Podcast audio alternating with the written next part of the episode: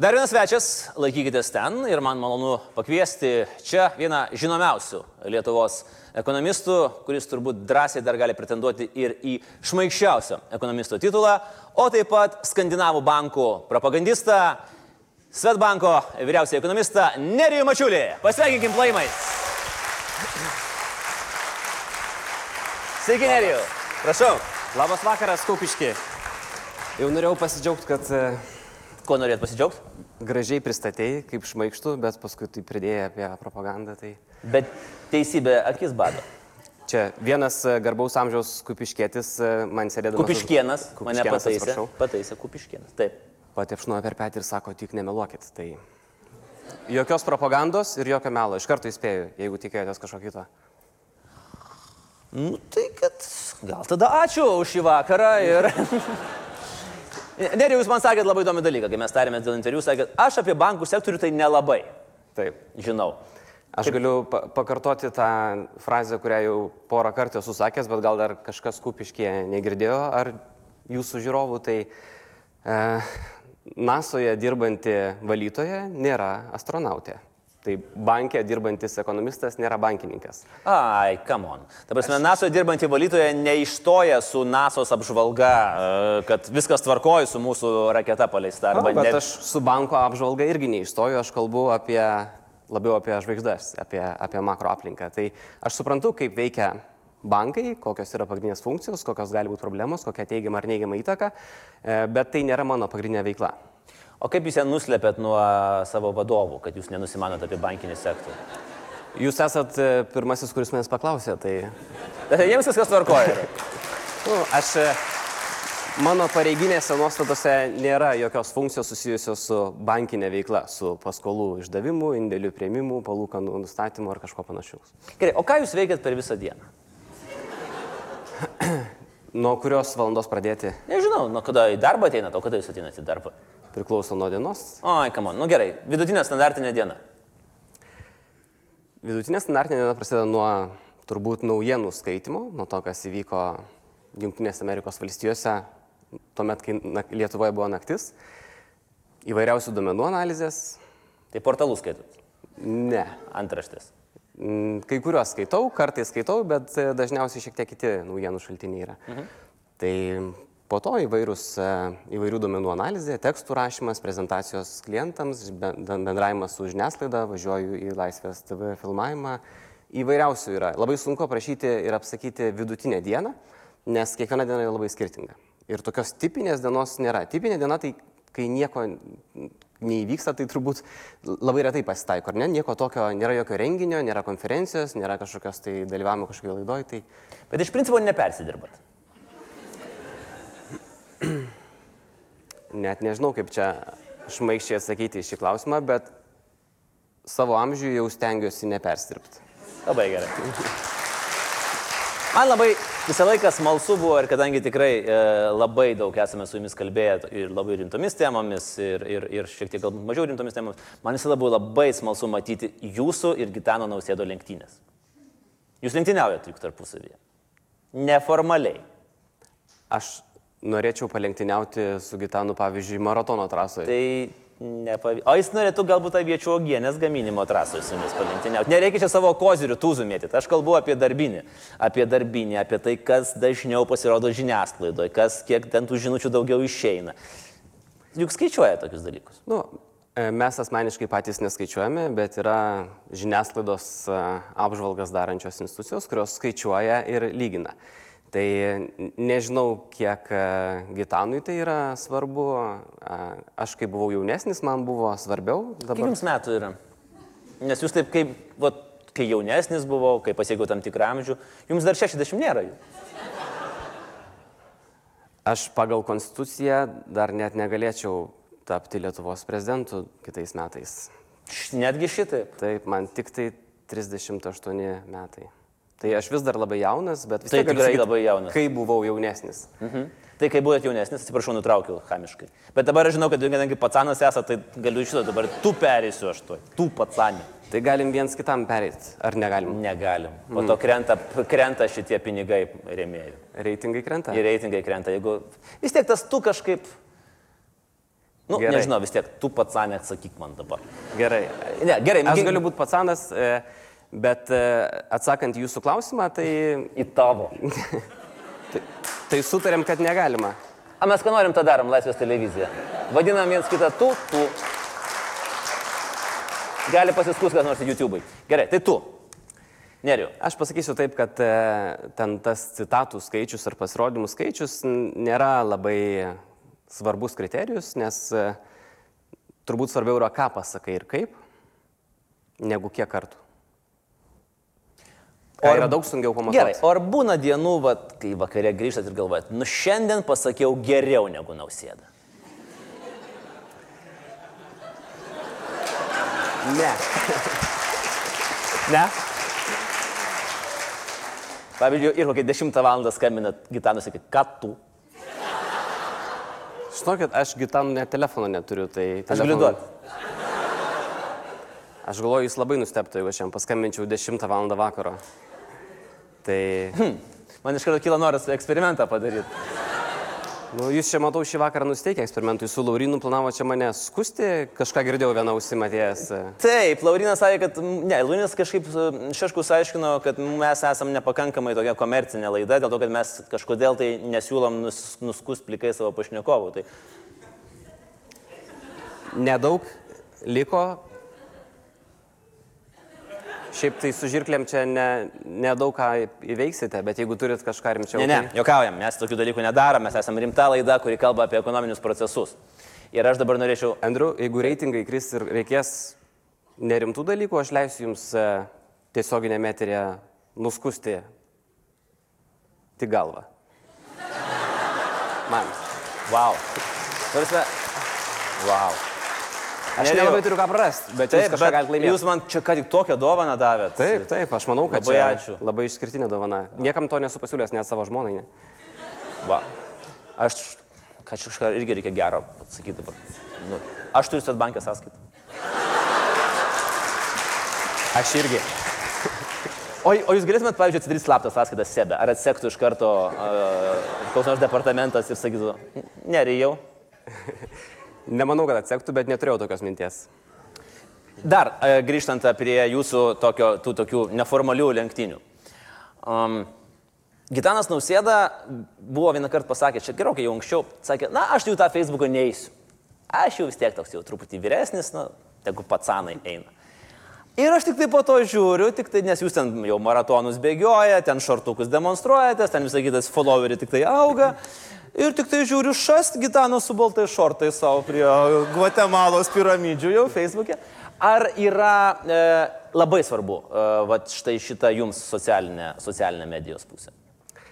Ne, aš anksčiau naudojau e, Facebooką labiau tokiems profesiniams tikslams, daug dažniau aptarnėdavau politinės ir ekonominės temas, bet pastaruoju metu pakeičiau tai. Ir, ir, ir daugiau galbūt skiriu dėmesio asmeninių reikalų komunikacijai. Hmm. Bet gal vėl pasikeis tai. Bet nemanau, kad tai yra labai svarbu. Nemanot? Ne. E, Baigiant šitą temą, e, vėlgi, kadangi jūs abu su Gitanu Nausėda vergaujat, kaip žinia, skandinavų bankams, tai dabar jeigu reiktų rinktis, grobonis prieš svetimą, jūs grobonis ar svetimas? Norėtumėt būti. Aš žinau, kai yra toks pasiūlymas iš dviejų nemalonių pasirinkimų, reikia nesirinkti ne vieno. Tai manau, kad ne vienas iš mūsų nėra nei grobuonis, nei svetimas.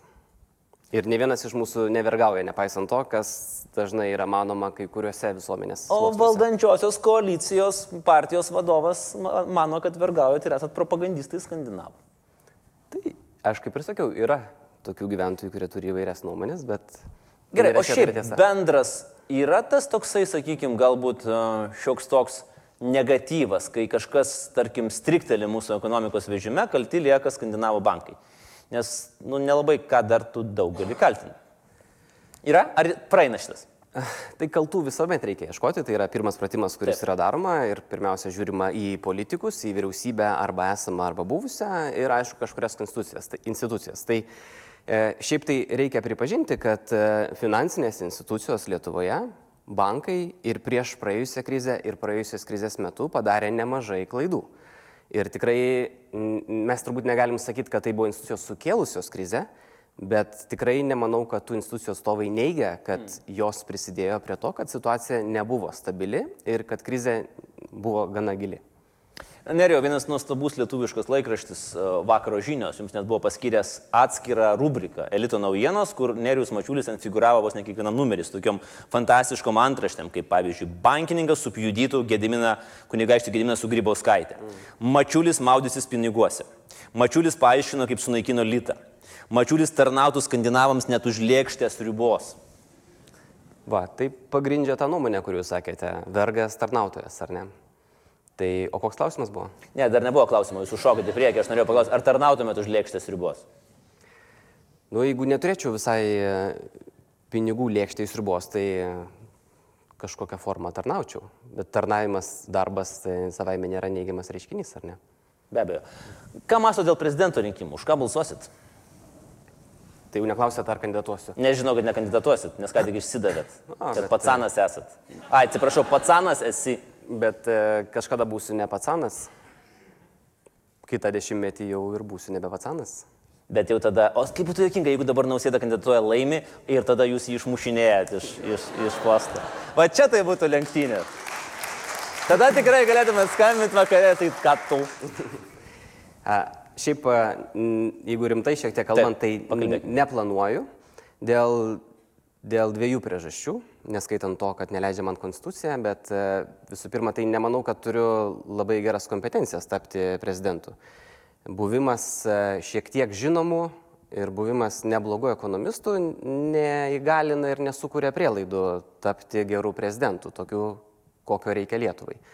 Tai tam reikia ir labai gerų tarptautinių santykių politinės ekonomijos žinių ir apskritai politinės galbūt patirties ar bent jau politinių procesų suvokimo ir diplomatijos ir, ir daug ko, kam, kurio, kur aš jaučiuosi gana žalės.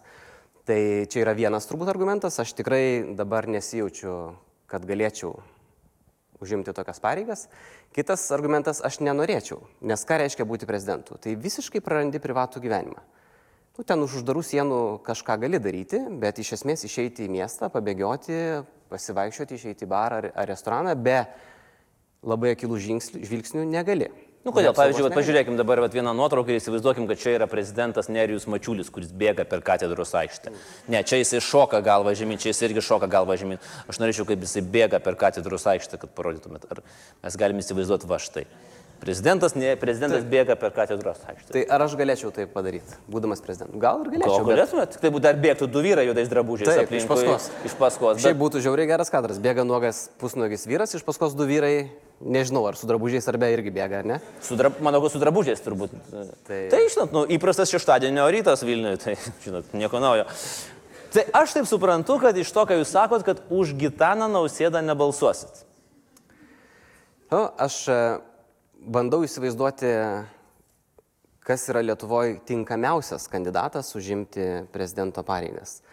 Ir, ir netgi važiuodamas į Kupiškį iš tiesų svarščiau, kas, kasgi, kasgi yra tas žmogus, kuris tikrai labai atitiktų visus kriterijus, visą sąrašą, ar ne? Neprakaištinga reputacija, labai geras išsilavinimas, e, tarptautinių institucijų, ypač Europos komisijos darbo ir kitų ES institucijų, visų koridorių ir, ir, ir žarnų išmanimas, e, ryšiai su ES lyderiais, su ES institucijų lyderiais, diplomatija, neprikaištinga reputacija, sakiau. Sakėt, bet galite pakartoti, nes čia... Galėčiau dar vardinti daug, tai, tai šiaip jau nėra labai jau daug tokių kandidatų. Čia taip švelniai pasakius. Taip, tai, tai aš vieną taip sugalvojau, jisai turi dėja labai didelį trūkumą, tokį patį kaip ir aš, jam yra 38 metai.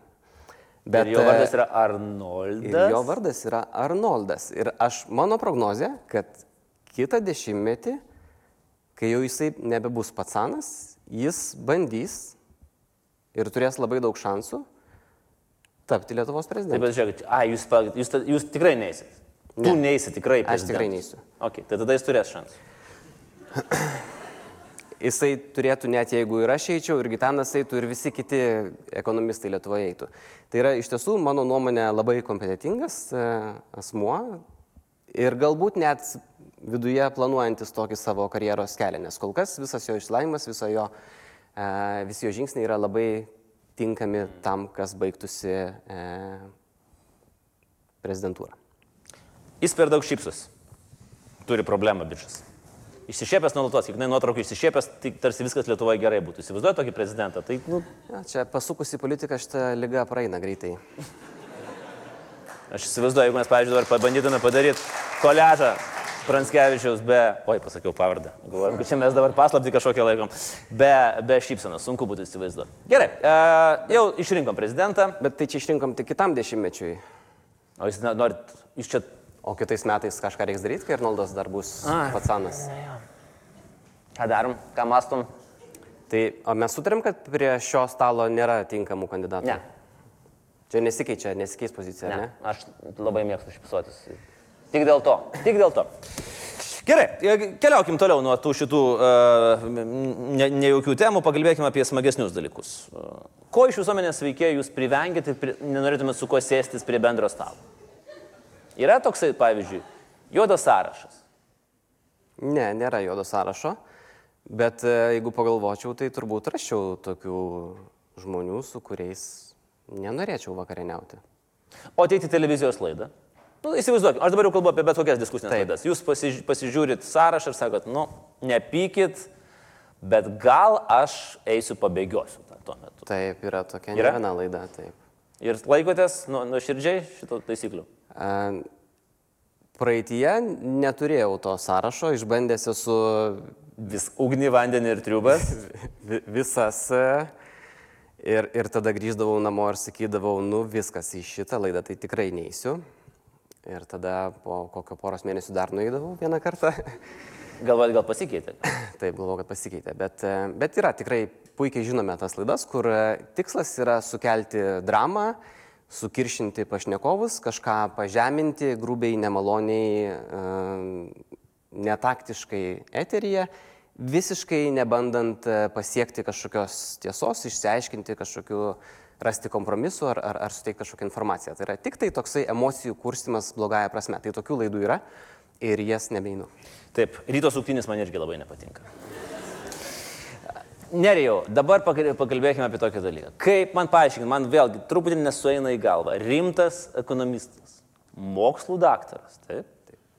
Svetbanko vyro ekonomistas, pagrindinis veidas. Ir tuo pačiu metu, kaip jūs tai suderinate su tokiamis istorijomis Facebook'e, kuriuose jūs pasakojat, kaip jūs pritupėt, kaip jums kelnes nusmuko ir kaip iš nugaros pasimatė tai, kas jau yra nenugara.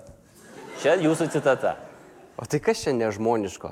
Ką mes, nors vienas čia yra, kuris neturi to, kaip tas vadinasi daiktas? Nenugara. Skirmantas. Ne, ne, tai aišku, visi mes jį turim ir nekarta yra ir pasirodę visiems turbūt, bet uh, uh, Kiekviena istorija. Svetbankas įvaizdis, uh, tram, tram, tram. Nu, kas čia? Čia kiekviena istorija, kurioje yra šioks toks moralas, net jeigu joje pasirodo kažkoks nuogas e, kūno gabalas, jinai verta yra turbūt viešos e, erdvės. Mhm. Ir aš manau, kad e, tą istoriją, kurią jūs perpapas, perpasakojote, tai galėčiau čia papasakoti vėlgi tiesiogiai. Tai papasakokit. Gal net ir parodyti. Nieko nėra.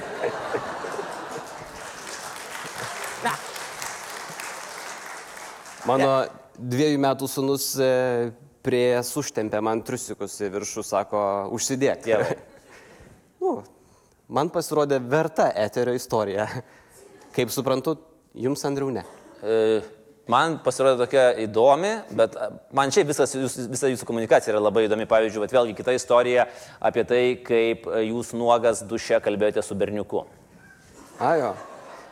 Vėlgi, nežinant konteksto, gali atrodyti įtartinai, bet su tuo berniuku, žinokite, aš užmesgiau tokius artimus santykius. Ne, ne, mes. E,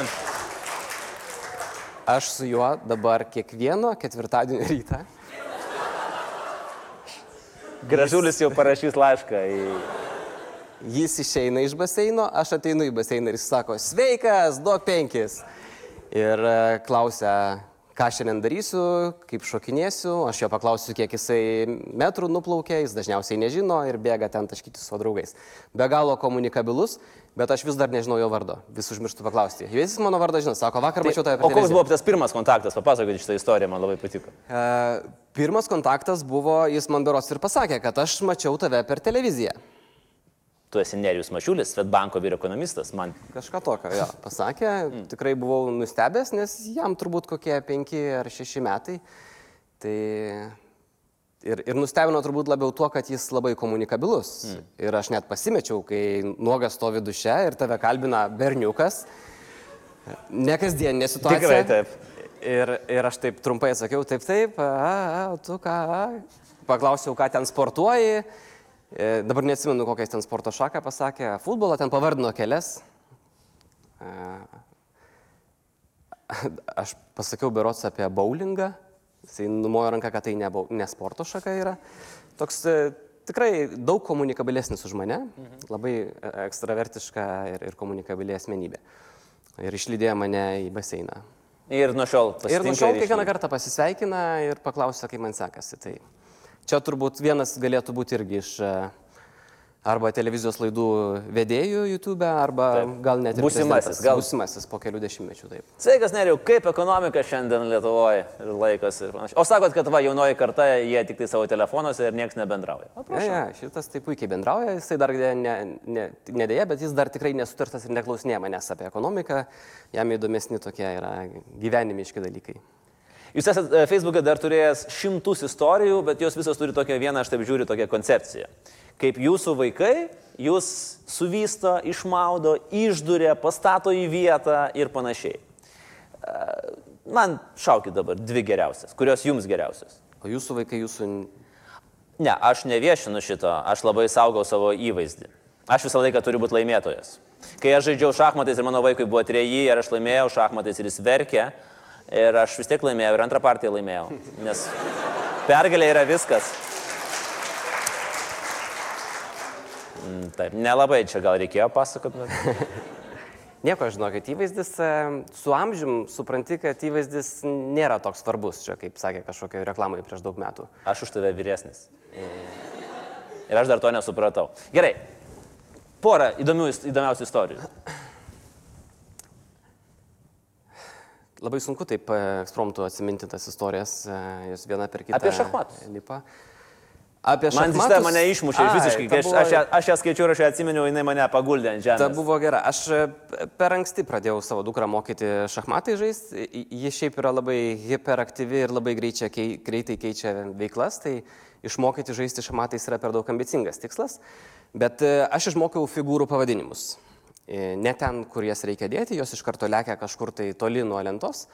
E, bet e, vienos pamokos metu sakau, čia yra rikis. Klausia, ar grikis. Sakau, ne, ne grikis, rikis. Sako, noriu grikių, einam. Viskas, pamoka baigta buvo. Tai, Taip. bet tokių e, lingvistinių, verbalinių e, nuotykių būna labai daug. Va dabar staiga prisiminiau, kažkokią knygą vartėme, enciklopediją ir profesijos išvardintos. Architektas. Sako, sako, sakau, čia yra profesija architektas. Į man sako, architektas? Sakau, taip, architektas. Architektas. Ir šitoje vietoje užstrigom, sako, tai architektas. Sakau, taip, architektas. Architektas. Ir taip, kol mama grįžo ir kažką e, paėmė. Sakiau, keičiam, čia yra kitų profesijų. Tai, tai tokių, tokių būna labai įdomių. E, e, bet e, tikrai dėrybas labai dažnai pralaimiu ir turiu imtis tokių nešvarių triukų, ten papirkinėti. Tikrai? Taip, ten esu pažadėjęs, kad, nu, vat, jeigu dabar darysi taip, kaip reikia, kad darytum, apsirengsi ir eisim, tai galėsi vakare ten duše ištepti brolių dažais. Nu, okei, okay, sako, tada tinka. Ir... O brolis dalyvauja iš tose darybose, ar jis toks būna kaip silent? Post factum sudalyvauja. Post factum tylusis akcininkas. Dabar jau pradeda reikšti nuomonę, tai sunkiau šiek tiek. Tai. Nes jau tuos dažus jau reikėtų kažkaip atsiplauti ir panašiai. Uh, Nerijau, dabar apie jūsų hobius. Maratonas bėgiojamas, viskas aišku. Čia, tiesą sakant, tokio didelio galbūt ant tokių pakelimo tikrai negali būti. Įspūdinga, nepasiekiama daugam, Bet šuoliai į vandenį. Iš kur atsirado šuoliai į vandenį? Labai, nu, tikrai labai retas hobis. Na, Maratonas tai tikrai turbūt beveik visiems yra pasiekiamas. E, Šiuo metu vyriausias žmogus, nubėgantis kiekvienais metais maratoną, yra 93 metų indas. Šiemet jau 94 metų bus indas. Tai, tai jūs, Andriau, dar galit 40 metų nebėgioti ir po to... Aš jau atbėgau savo. Aš pradėjau bėgioti, nusipirkau visą brangiausią ekipiruotę, visą, nuo A iki Z visas baltai pasipasipušiau, užsidėjau netgi tą tokį daiktą, va, čia, čia jeigu pragaituotų, į MP3 nusipirkau specialiai MP3, nes žinau, kad reikia, įsidėjau visą muziką bėgimui skirtą. Ir padėjai viską į spintą. Ne, aš du kartus nubėgau, pradėjau nugarą skaudėti. Bet aš norėjau klausti, tu toks e, lieknas, lieknesnis už mane. Kaip tu palaikai tą figūrą? Čia kitų laidų, aišku, tema, bet man vis tiek labai įdomu, aš pasinausiu progą. Taip, mes galime apie tai neriau pakalbėti. Aš dirbu Latvijos televizijoje, o ne Skandinavų bankė. Nu, aš pats užsiroviau. E, perinant prie šuolių į vandenį, tai...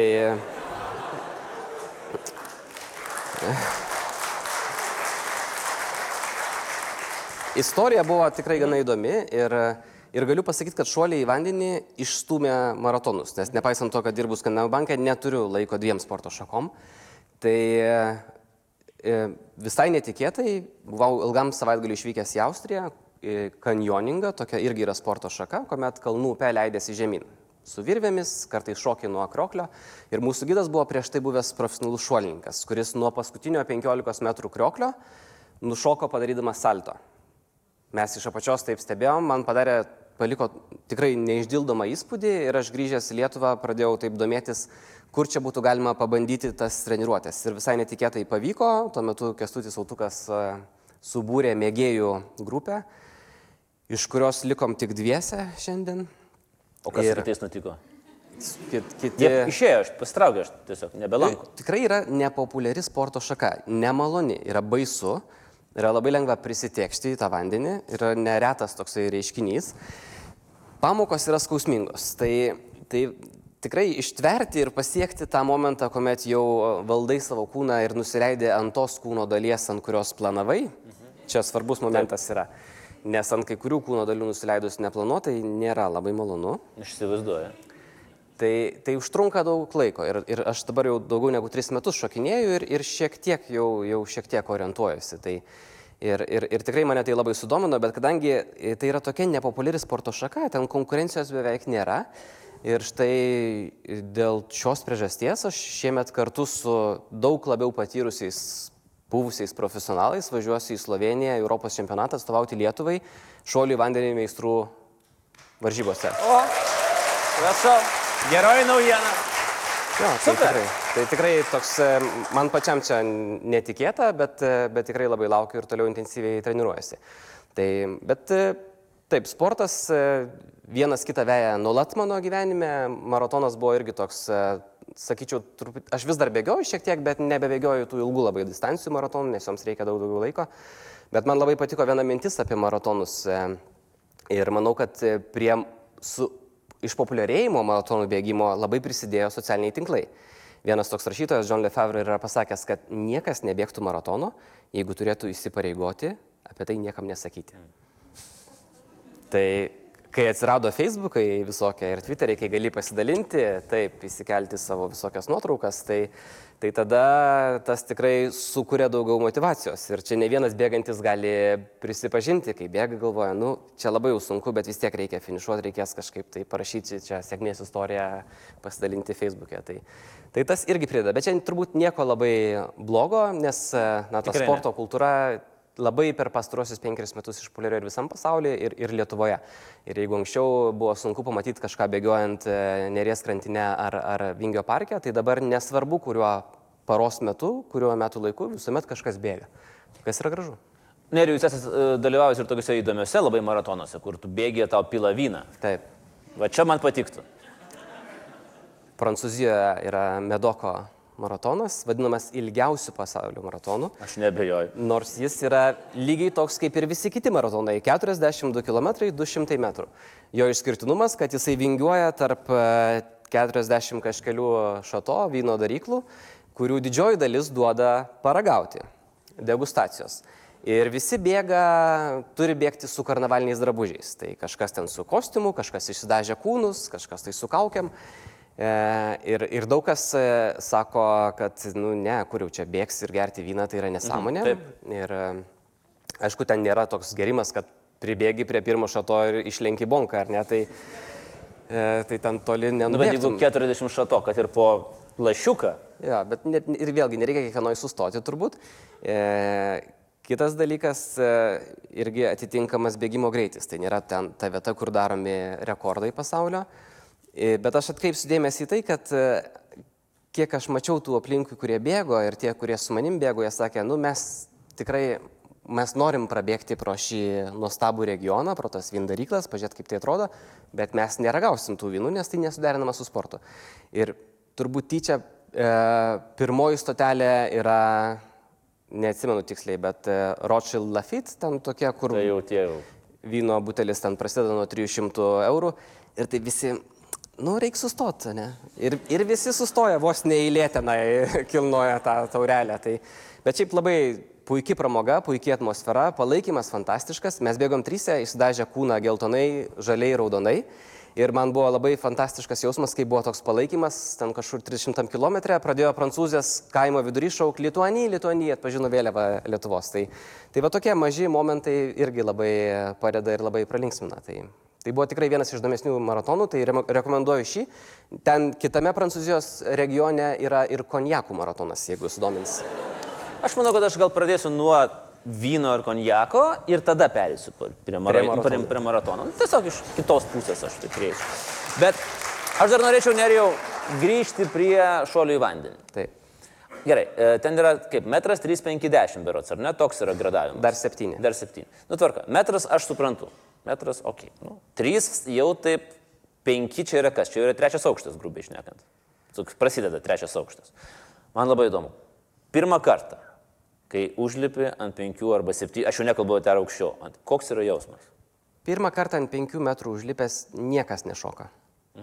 Aš pirmą kartą, kai užlipau, pasižiūrėjau ir sukaustytų kūnų atbulas nu, nulipau.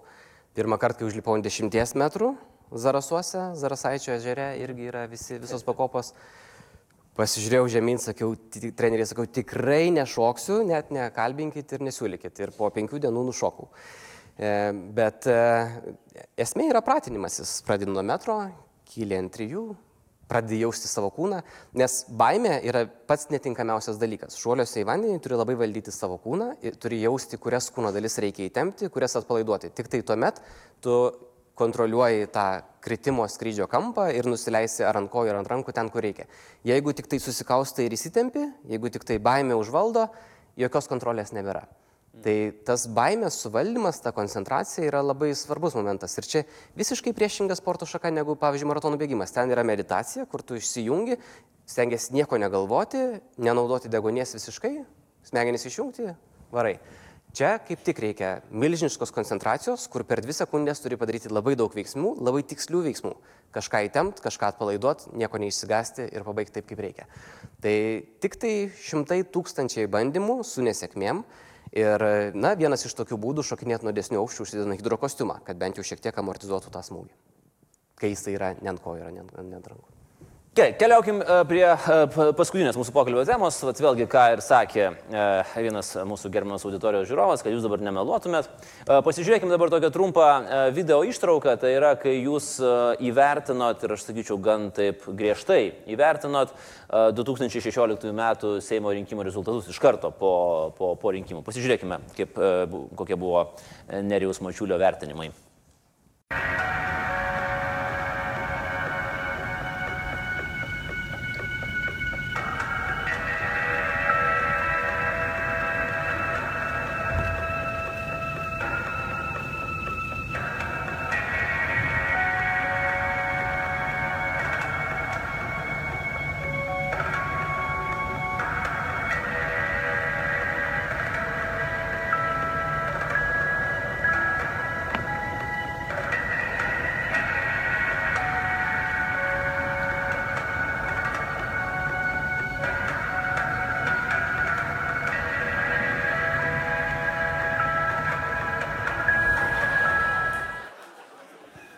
Prieš metus jūs sakėt, kad viskas tas pats, tik reikia žiūrėti iš galo į Taip, pradžią. taip. Ir, o kaip dabar, vat, siūlyt? Ko, ką dabar vat, sureaguotumėt po pusantrų metų? Jo, tai vis tiek galima tą klipą žiūrėti nuo pabaigos į pradžią ir, ir jausmas turbūt bus toks.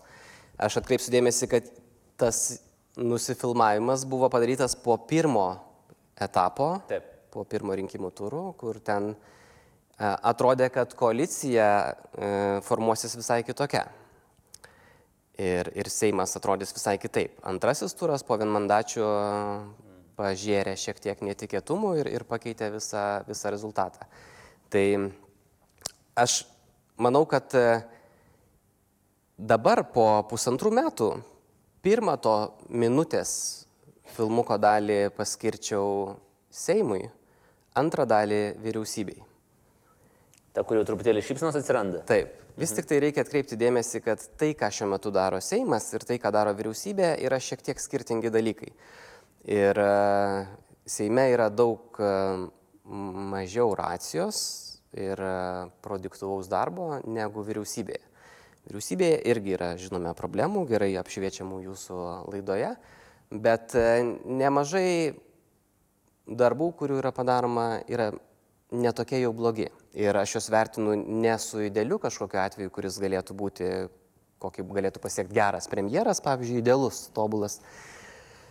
Bet jūs taip girdite, geras, tada taisotės į idealus, tobulas, tai Jo, tobulas. Ne, Tobulas. Nelyginu su tobulu, bet lyginu su tuo, ką aš dar atsimenu per pastrosius 10-15 metų, kokiu mes turėjome vyriausybių, ką jos padarė. Tai tikrai ši vyriausybė turi neblogų intencijų ir kai kuriuose vietose pasiekė neblogų rezultatų. Šio vakaro tema, jeigu taip labai uh, trumpai uh, užrišant, uh, Taip. nuo 1 iki 10 galbūt, vat, mokesčių reforma, kaip jūs įvertintumėte? Mokesčių kažkaip kitaip. reforma, to nuo 1 iki 10 galiu. 7? 8. 8. Netgi 8. Vis tik tai man patinka tai, kad visiems dirbantiesiems be išimties mažėja mokesčiai. Tai yra tai, ką reikėjo daryti seniai, tai, ką žadėjo daryti visos vyriausybės ir visos partijos prieš visus rinkimus. Ir dabar, aišku, čia ne tik gal šios vyriausybės yra pasiekimas, nes labai palanki yra ekonominė aplinka.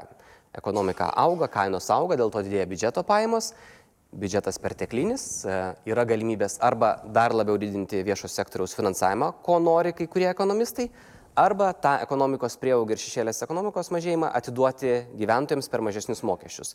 Man atrodo, tas atidavimas dirbantiesiems per mažesnius mokesčius nėra tikrai blogiausia, kas galėtų atsitikti. Ten yra niuansų su, pavyzdžiui, nekilnojamo turto apmokestinimu ir jūs šiandien savo laidoje labai puikiai pateikėte pavyzdžių apie keistus istorinius mokesčius. Jų nereikia ieškoti viduramžiuose ar, ar, ar ten jungtinėje karalystėje ar, ar Rusijoje. Dabar nekilnojamo turto mokesčio įstatymę, čia tokia galiu duoti